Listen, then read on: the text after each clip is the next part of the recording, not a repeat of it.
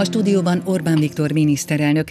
Mit gondol, hogy látja, miért történik meg az, hogy az Európai Tanács ülése után most néhány napja már a Dán parlamentben is arra kérte az ukrán elnök az ott ülőket, hogy gyakoroljanak nyomást Magyarországra, és Magyarország engedjen át fegyvert, küldjön fegyvert, és zárja el a gázcsapokat.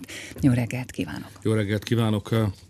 Megértéssel kell fogadnunk a ukrán elnök erőfeszítéseit, hiszen bajban van a hazája, és ő azt reméli, hogy miután a vele szemben álló erő sokkal nagyobb, mint ő, Oroszország sokkal jelentősebb és komolyabb katonai erőt képvisel, mint Ukrajna, ő azt reméli, hogy úgy tud kikerülni ebből a szorult helyzetből, hogyha másokat is belevon a háborúba. Ezt nem róhatjuk föl neki, én legalábbis nem rovom föl neki, ő végül is az ukrán érdekeket nézi, és a saját hazáján próbál segíteni. Nem is, nincs is vele vitám igazából. Akivel vitánk van, az a magyar baloldal, amelyik szót akar fogadni az ukrán elnöknek.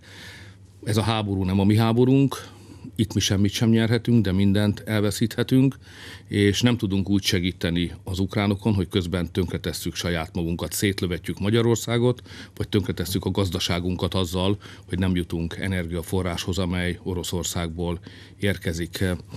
Az, hogy egy nemzetközi kampányt folytat Ukrajna, pedig ebben a háborús helyzetben teljesen érthető. Mi elítéljük az orosz támadást, de nem tudunk úgy segíteni az ukránoknak, hogy közben tönkretesszük még saját magunkat is. De elfogadható az az érv, hogy azok az országok finanszírozzák Putyin háborúját, akik nem segítik Ukrajnát. Hát nem egyedül Magyarországgal van ez a gond. Hát Bulgária elnöke azt mondta, hogy nem akar belekeveredni ebbe a háború. Ugyanazt mondja, amit Magyarország, nem? Vannak itt nagyfiúk is, ezen a küzdőtéren, leginkább a németek. Vannak országok, amelyeknek úgy alakult a történelme, hogy nem rendelkeznek olyan befogadó és szállító kapacitásokkal, amely lehetővé tenné, hogy ne Oroszországból hozzanak olajat, meg gázt. Németországnak ez nagy nehézségeket okozna, ha le is akar várni, válni az orosz, orosz rendszerről, az is éveket vesz igénybe. Hasonló cipőben jár Ausztria, így vannak a bulgárok, így vagyunk mi, nem uniós tag, de így vannak a szerbek is.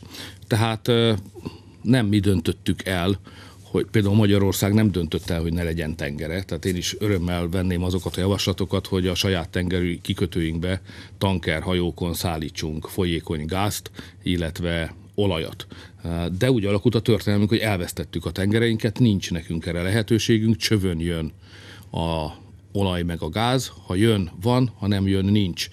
Tehát nem arról van szó, hogy majd fölveszünk a pulóvert este, és egy kicsit lejjebb csavarjuk a fűtést, mint hogy néhány okosot nyugaton ezt gondolja, vagy hogy néhány forinttal többet fizetünk a gázért, meg, a, a, meg amikor tankolunk, hanem arról van szó, hogy ha Oroszországból nem jön energiaforrás, akkor nincsen energia Magyarországon.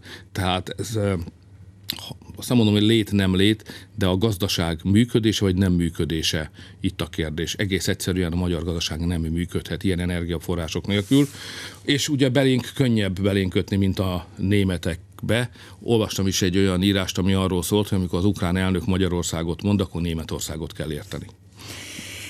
Igen, no de ugye szakértő arra utal, hogy 8-10 nap tulajdonképpen elég lenne arra, hogy a magyar gazdaság megrendüljön, teljes volumenében megrendüljön, hogyha elzárják ezeket a gázcsapokat. Ezt miért nem fogadja el más ország? Ugyanakkor meg láthatja, hogy Németországban is már azt mondták, hogy e, egy bizonyos veszélyhelyzetet bejelentettek, mert ugye egy csövön nem érkezik gáz. Elfogadják ezt az Unió legutóbbi csúcsértekezletén, ott a német, osztrák, magyar hármas nagyon világosan fogalmazott, és e, egyértelműen tettük, hogy olyan szankciók, amelyek kiterjednének az energiára, nem képzelhetők el. Hát, és nekünk nem éri meg, hát van egy olcsó orosz energia, gáz, és akkor ezt kapcsoljuk le, és akkor legyen helyette drága amerikai. Ez egy remek ötlet önmagában is, de ha még azt is hozzáveszem, hogy nem tudjuk, hogy hogyan jut el Magyarországra, azaz amerikai cseppfolyós gáz, amelyet hajón hoznak tengeren, ha ezt is hozzáveszem, akkor jól látható, hogy ezek képtelen javaslatok.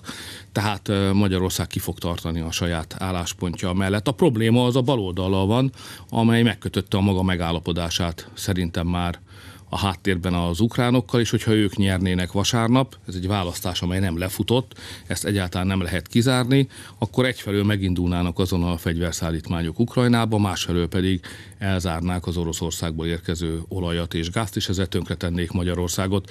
Ez ez kockázatos, ez veszélyes, a baloldal a tűzzel játszik. De mi a jó abban, amikor az ellenzék miniszterelnök jelöltje egyik nap azt mondja, hogy ő nem azt mondta, hogy a magyar fiatalokat el kell küldeni a háborúba, másik nap meg azt mondja, hogy a magyar fiatalok jobban értik a vér szavát, mint a, jobban szeretik a vért, mint az olajat.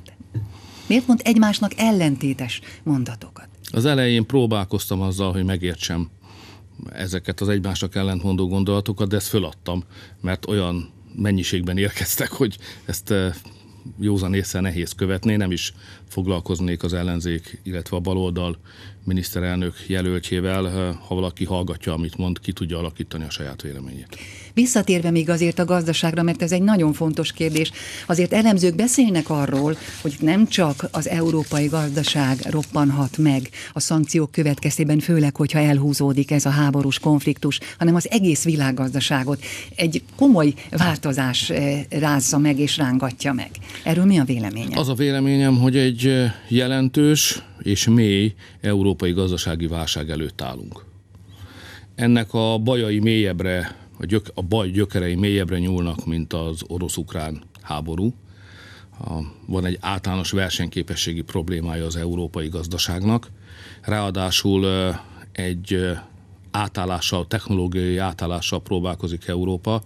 Ki akarta már a háborútól függetlenül is kapcsolni a gazdasági rendszeréből az úgynevezett fosszilis energiaforrásokat, szenet, gázt és olajat, és ezt úgy oldotta meg, vagy úgy akarja megoldani az Európai Unió, hogy emeli az árakat. Tehát az energia árak nem maguktól mennek fölfelé, az egy európai, brüsszeli, brüsszeli bürokraták által meghozott döntés következménye.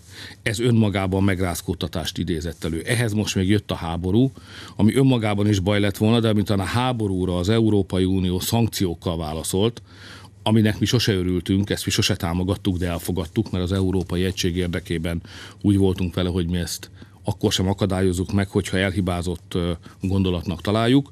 Tehát jöttek a szankciók, azok még meglökték az energia árát. És az energia válság, ez el fog vezetni majd egy gazdasági válsághoz, nem sokára, hanem néhány héten vagy hónapon belül. Ezt nekünk majd ki kell valahogy cseleznünk, ezt meg kell úsznunk. Tehát a következő kormánynak az fontos kihívást, feladatot jelent, hogy az európai magas energiárakból származó gazdasági válság hatását Magyarország irányába tompítsuk, és valahogy ki megússzuk ezt a dolgot.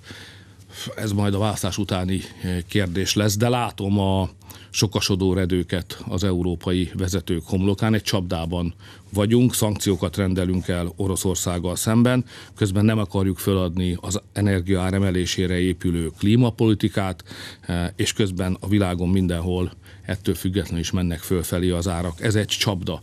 Ráadásul eddig ez csak az energiára és az áremelkedésekre terjed ki, de most, hogy itt vannak a mezőgazdasági munkák, itt vagyunk a mezőgazdasági munkák kellős közepén, kérdéses a világ gabona ellátása is. Ukrajna és Oroszország, ha kiesik a világ gabona ellátásából, Ukrajna a háború miatt, Oroszország azért meg szankció alá vettük őket, az élelmiszer válságot robbanthat ki a világban, elsősorban Afrikában, de talán még ide Európába is megérkezhet ez. Olyasmi is megtörténhet, amire nem számítottunk, hogy bizonyos alapvető élelmiszerekből akár hiány is felléphet. Szóval sűrűsödnek a felhők az égbolton hogyan kellene ezt a magyar megoldást megtalálni. Már csak azért is, mert az ellenzék azt állítja, hogy ha a kormány tovább folytatja a munkáját a választások után, akkor megszorításokat fog bevezetni. Mindig van egy vita arról, hogy hogyan kell gazdasági válságokat kezelni. Magyarország látott az elmúlt 30 évben néhány gazdasági nehéz időszakot, válságot is, és azt is tudjuk, hogy melyik politikai irányzat hogyan szokta kezelni a válságokat. A baloldal azért gondol ilyenkor mindig megszorításokra, mert ő mindig megszorításokat alkalmaz. Tehát a megszorítás az egy baloldali gazdasági válságkezelési eszköz. Így vették a 13. havi nyugdíjat, így vették a fizetések egy részét, így szüntették meg a lakástámogatási rendszert, így építették le a családtámogatási rendszert. Ez egy baloldali, közgazdaságilag jó kimunkált, rendkívül fájdalmas és szerintem elhibázott válságkezelési módszer. Mi sosem ezt alkalmazzuk, a nemzeti oldal az más, inkább a gazdasági növekedést, az adócsökkentést előtérbe helyező gyógyszert alkalmaz ilyenkor. Igen, de ahhoz pénz kell, nem? Látjuk, hogy a magyar kormány tett lépéseket már tavaly ősztől, akár a benzinástopra gondolunk, akár alapvető élelmiszerek ár maximalizálására, vagy mondjuk a, a hiteltörlesztő kamatoknak a, a befagyasztására. Tehát milyen lehetős, milyen mozgástere van a kormánynak? Most ugye valamennyi pénz érkezett az Unióból, de hát az nyilván elsősorban arra adták, hogy a, az ide érkező több mint félmillió, ameddig már jöttek, ugye közel félmillió menekült ellátására fordítsuk. Igen, hát én nem az Unióba bízok, meg sosem a külső erőkben, hanem saját magunkban. A pénz akkor van, ha dolgozunk. Azért működik ma a magyar gazdaság jól, és azért eh, hiszem, hogy a választásokat a kormányoldal meg tudja nyerni, mert az elmúlt időszakban egy millió új munkahelyet hoztunk létre. És ha munka van, akkor minden van, például pénz is. Jól emlékszem, hogy 2010 előtt tömeges munkanélküliség volt Magyarországon, ma pedig több állás és munkalehetőség van, mint amennyi ember dolgozni tud. És eh, 4 millió 700 ezer ember dolgozik körülbelül. Na a munkából lesz pénz, és a munkával lehet válságot kezelni, ezért majd, ha eljön ez a nehéz európai helyzet, akkor a magyar kormánynak elsősorban arra kell törekednie, hogy minden eszköze, hogy megőrizze a munkahelyeket. A családok védelmére mindig is eh, hangsúlyt fektetett az Orbán kormány, akár a második, akár a harmadik. Tehát hogyan látja, mit kellene még ahhoz tenni, hogy a családok eh, még inkább meggondoltan és megfontoltan, de bővülő eh, keretek között élhessék az életüket? Hát most először védekeznünk kell, tehát ki kell védenünk a háború következményeit, ki kell védeni a brüsszeli energiaáremeléseknek a következményeit, és ki kell védenünk a háború miatt átrendeződő nemzetközi gazdasági változások következményeit. És aztán utána meg kell valósítani azokat a terveinket, amelyeket még a pandémia előtt, meg a háború előtt gondoltunk ki, tovább kell erősíteni a családok támogatását. Jó rendszer, amit felépítettünk, példaként szokták emlegetni egész Európában, de van néhány luk azért rajta, azokat be kell foltozni. Most, hogy megjött a 25 évnél fiatalabbak számára a személyjövedelodó mentességnek a korszaka. Ez hatást gyakorol majd a fiataloknak a munkavállalására, hatást gyakorol arra, hogy mikor és hogyan vállalnak gyermeket, mikor kell segítség nekik a családalapításhoz. Tehát van még munka, hogy a családtámogatási rendszert eh, kiegészítsük. A családoknak fontos a gyermek. Most a szavazással egy időben népszavazást is tartunk április harmadikán. Mi a véleménye arról, hogy LMBTQ szervezetek és a soros hálózathoz köthető NGO-k arra bíztatják a választókat, hogy szavazzanak érvénytelenül ezen a népszavazáson? Valóban a háború az ráborult a választási kampányra, beterítette azt, a népszavazás pedig végképp háttérbe szorult, ami érthető, mert mégiscsak ennek a választásnak a legfontosabb tétjévé a béke és a háború kérdése vált. Az emberek békét akarnak, a nemzeti oldal a béke garanciája, a bal oldal szerintem kockázatot jelent a békénkre és a biztonságunkra, és ez egy olyan erejű kérdés, amely minden mást háttérbe szorított már ehhez képest az is, hogy a bukott múlt visszatérjene a 2010 előtti Gyurcsány korszak visszatérjene, vagy folytassuk azt, amit megkezdtünk az elmúlt 12 évben, ez is másodlagossá vált, ha bár nagyon fontos. És az emberek azt is érzik, hogy ezt egyszer lehet elrontani. Tehát vasárnap lesz 13 óránk reggel 6-tól este 7-ig, hogy eldöntsük Magyarország jövőjét. Akkor kell dönteni, a fölmérések másodlagosak ez a 13 óra számít. Ha jól döntünk, akkor megmentjük a következő négy évünket, ha nem, akkor bajba sodorjuk magunkat. Most a népszavazás is egy olyan ügy, amely önmagában kiemelkedően fontos lenne, hogyha nem ebben a kialakult helyzetben kerülne sor rá. Én mindenhol fölhívom az emberek figyelmét arra, hogy ne engedjék, hogy ez lehessen az asztalról, mert itt meg a gyerekeink jövőjéről kell dönteni és Nyugat-Európában is úgy kezdték, hogy legyintettek az ilyen genderőrületre, azt gondolták, hogy ez nem gyermekvédelmi kérdés, hanem egy életmódbeli divat majd elmúlik. Aztán nem elmúlt, hanem megszerveződött. És ma már a nyugat-európai világban a szülők nem uralják a gyermekük nevelésének kérdését, már nem tudják ők megszabni annak a ritmusát és ütemét, hogy mondjuk a szexuális felvilágosítás ügyében mikor mi kerül a gyermekeik elé, mert megszerveződtek nyomásgyakorló csoportok, lobby szervezetek, mögé állt egy nagy liberális világmédia, amely azt próbálja elhitetni a gyerekeinkkel, hogy a születésükkör bekövetkezett tény, hogy ők fiúk vagy lányok, az megváltoztatható, és az életük néhány bajára, amiből fiatalkorban van bőségesen, épp egy ilyen változás jelentene megoldást. És a szülők elveszítették azt a lehetőségüket, hogy ők szembesítsék a gyereküket akkor, amikor és úgy, ahogy jónak látják ezekkel a nagyon nehéz kérdésekkel. Magyarország még nem sodródott bele ebbe a helyzetbe. Magyarország még eh, meg tudja védeni a gyerekeit, Magyarország még gátat tud vetni a gender őrületnek, akkor, hogyha egy népszavazással világossá tesszük azt az egyszerű állítást, hogy az apa férfi, az anya nő, a gyerekeinket pedig hagyják békén, és akkor meg tudjuk védeni a gyerekeinket, és a szülők jogát is a gyermekek szexuális felvilágosításához. Ez sokkal fontosabb ügy, mint ami ennek most itt a háború árnyékában látszik. Nagyon hosszú ez a mostani kampány. Tulajdonképpen már tavaly elkezdte az ellenzék a kampányolást, itt az előválasztásra gondolok, de azért itt az utolsó hetekben vagy napokban nagyon sokféle eszköz ö, nyilvánosságra került, olyanok is, amelyek felvetik akár a választási csalás gyanúját. Hogyan látja az, hogy több százezer ember, aki soha nem adta meg sem a nevét, sem a címét, sem a telefonszámát baloldali pártnak, a baloldali szervezetnek, az is SMS, SMS-eket kapott, úgy, hogy a keresztnevén szólítják meg, és arra kérik, hogy szavazzon a változásra. Ez egy súlyos ügy. Ez, már a 1990-es első parlamenti választáson is részt vettem, tehát 30 éve látom a választásokat, önkormányzatit, európai parlamentit, vagy nemzeti választást, sőt láttam népszavazásokat is, de ilyen csalást még nem láttam. Tehát stiklik elő szoktak fordulni, az se szép dolog.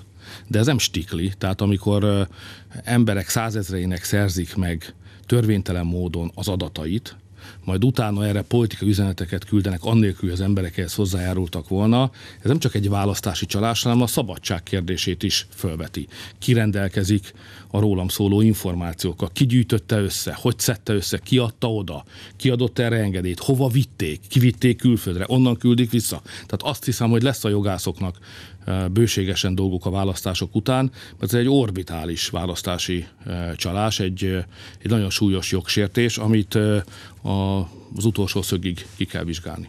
Igen, de hát nem éppen az ellenzék volt az, aki, amelynek tagjai hónapok óta e, arról beszélnek, és előszeretettel nyilatkoznak külföldi e, lapokban, hogy Magyarországon itt a, a kormánypárt szervezett csalásra készül, nem lesznek a választások tisztességesek. Én már nem tudom hány száz ebesz megfigyelő van, meg még majd jönnek is Magyarországra. Hát egy hadsereg van itt most már, szívesen látjuk őket egyébként, a magyar turizmusnak az ilyesmi jót tesz, de hát annyian jönnek, hogy egy háborút meg lehet nyerni ennyi katonával. Nézze, 12 év óta a, a magyar baloldal vereséget, vereségre halmoz. Ha ezt hozzászámolom, hogy már 98-ban is egyszer elhúztuk a nótájukat, akkor én megértem, hogy ők külföldről remélnek segítséget. Tehát valamit nem jól csinálnak, ez nem az én dolgom, hogy a baloldal fejével gondolkodjak, de egy olyan helyzetbe manőverezték magukat, hogy csak kívülről remélhetnek segítséget. És most pedig végképp végképp nagy a tét, hiszen eh, erről már nem beszélünk itt a választási kampány hajrájában, de hát egy teljesen szokatlan jelenség az, amit a baloldal miniszterelnök jelöltje is beismert, hogy egy olyan választási szövetséget hoztak létre, amelyben megőrizte az önállóságát a fasiszta irányzat is, meg a kommunista irányzat is. Ami azt jelenti, hogy teljesen természetellenes szövetséget hoztak létre, föladtak mindent, erkölcsi és politikailag fontos mércét és önazonosságot, becsületet is talán, tehát olyan, olyan összefogás jött létre, aminek egyetlen célja volt mindig is csak az, hogy hatalomra tudjanak kerülni. És ha most nem nyernek, tehát még a siker se magyarázza és igazolja utólag ezt az összefogást, akkor ott nagyon komoly kérdések kerülnek elő, amely az egész baloldal jövője szempontjából izgalmas kérdés. Ez nem az én dolgom, nem is akarok én ebbe beleavatkozni, de nagy lecke az minden magyar politikai párt számára, hogy a becsületet, a programot, a szellemi irányzatot, az önazonosságodat, a nem szabad föladni csak azért, hogy hatalomra kerül, és nem foghatsz össze olyanokkal, antiszemitákkal, meg kommunistákkal, meg szélsőjobboldaliakkal, akikkel egyébként a te nézeteid nem egyeztethetők össze, és akik csak bajt hoznának a hazádra. Nagy lecke lesz ez mindannyiunknak. De hogyan lehet ezt összeegyeztetni azzal, hogy miközben egyfolytában arról beszélnek, hogy a, a demokratikus jogok sérülnek Magyarországon akkor, amikor nem ők vannak hatalmon? Hát azt mégsem mondhatják, hogy nézzék, ügyetlenek vagyunk, rosszul csináltuk, nem jó a programunk, elhibáztuk, tehát az ember valamilyen magyarázatot keres arra a kérdés, hogy ki a hibás. És nagyon kevés olyan ember van a egy országban, aki azt szokta erre a kérdésre válaszolni, hogy hát én vagyok a hibás, nem várhatjuk el a baloldaltól sem, még ha ez így is van, de szerintem eh, ami most fontos az ország szempontjából az nem a baloldal, hanem az ország jövője, az pedig a háború és béke kérdésén múlik. Meg kell akadályoznunk, hogy belesodródjunk ebbe a háborúba. Én csak azt tudom ismételni, hogy ez nem a mi háborunk, a baloldal hiába mondja, hogy ez a mi háborunk, ez nem így van, ez nem a mi háborunk, ebből ki kell maradnunk, és ha azt akarjuk, hogy az ország épüljön, akkor békére van szükségünk. A béke építkezés jelent, a háború pedig rombolást. Ez a tét? Ennél nagyobb tétje még nem volt választásnak Magyarországon, legalábbis az utolsó 30 évben, mióta mióta én magam is látom a választásokat. Mindig fontosak voltak a választások, de hogy egy háborúba való belesodródás, vagy egy a gazdaság totális leállása a fenyegető energiaembargó kérdéséről döntsünk a választáson, hát erre még nem volt példa, úgyhogy igazán össze kell szednünk magunkat. Minden hallgatónak azt kívánom, hogy érezze át a helyzet komolyságát, lássa a háború borzalmait, szörnyűségeit, Magyarországot fenyegető következményeit, álljunk ki a hazánkért, védjük meg Magyarországot, és szavazzunk a békére. Köszönöm. Orbán Viktor miniszterelnököt hallották.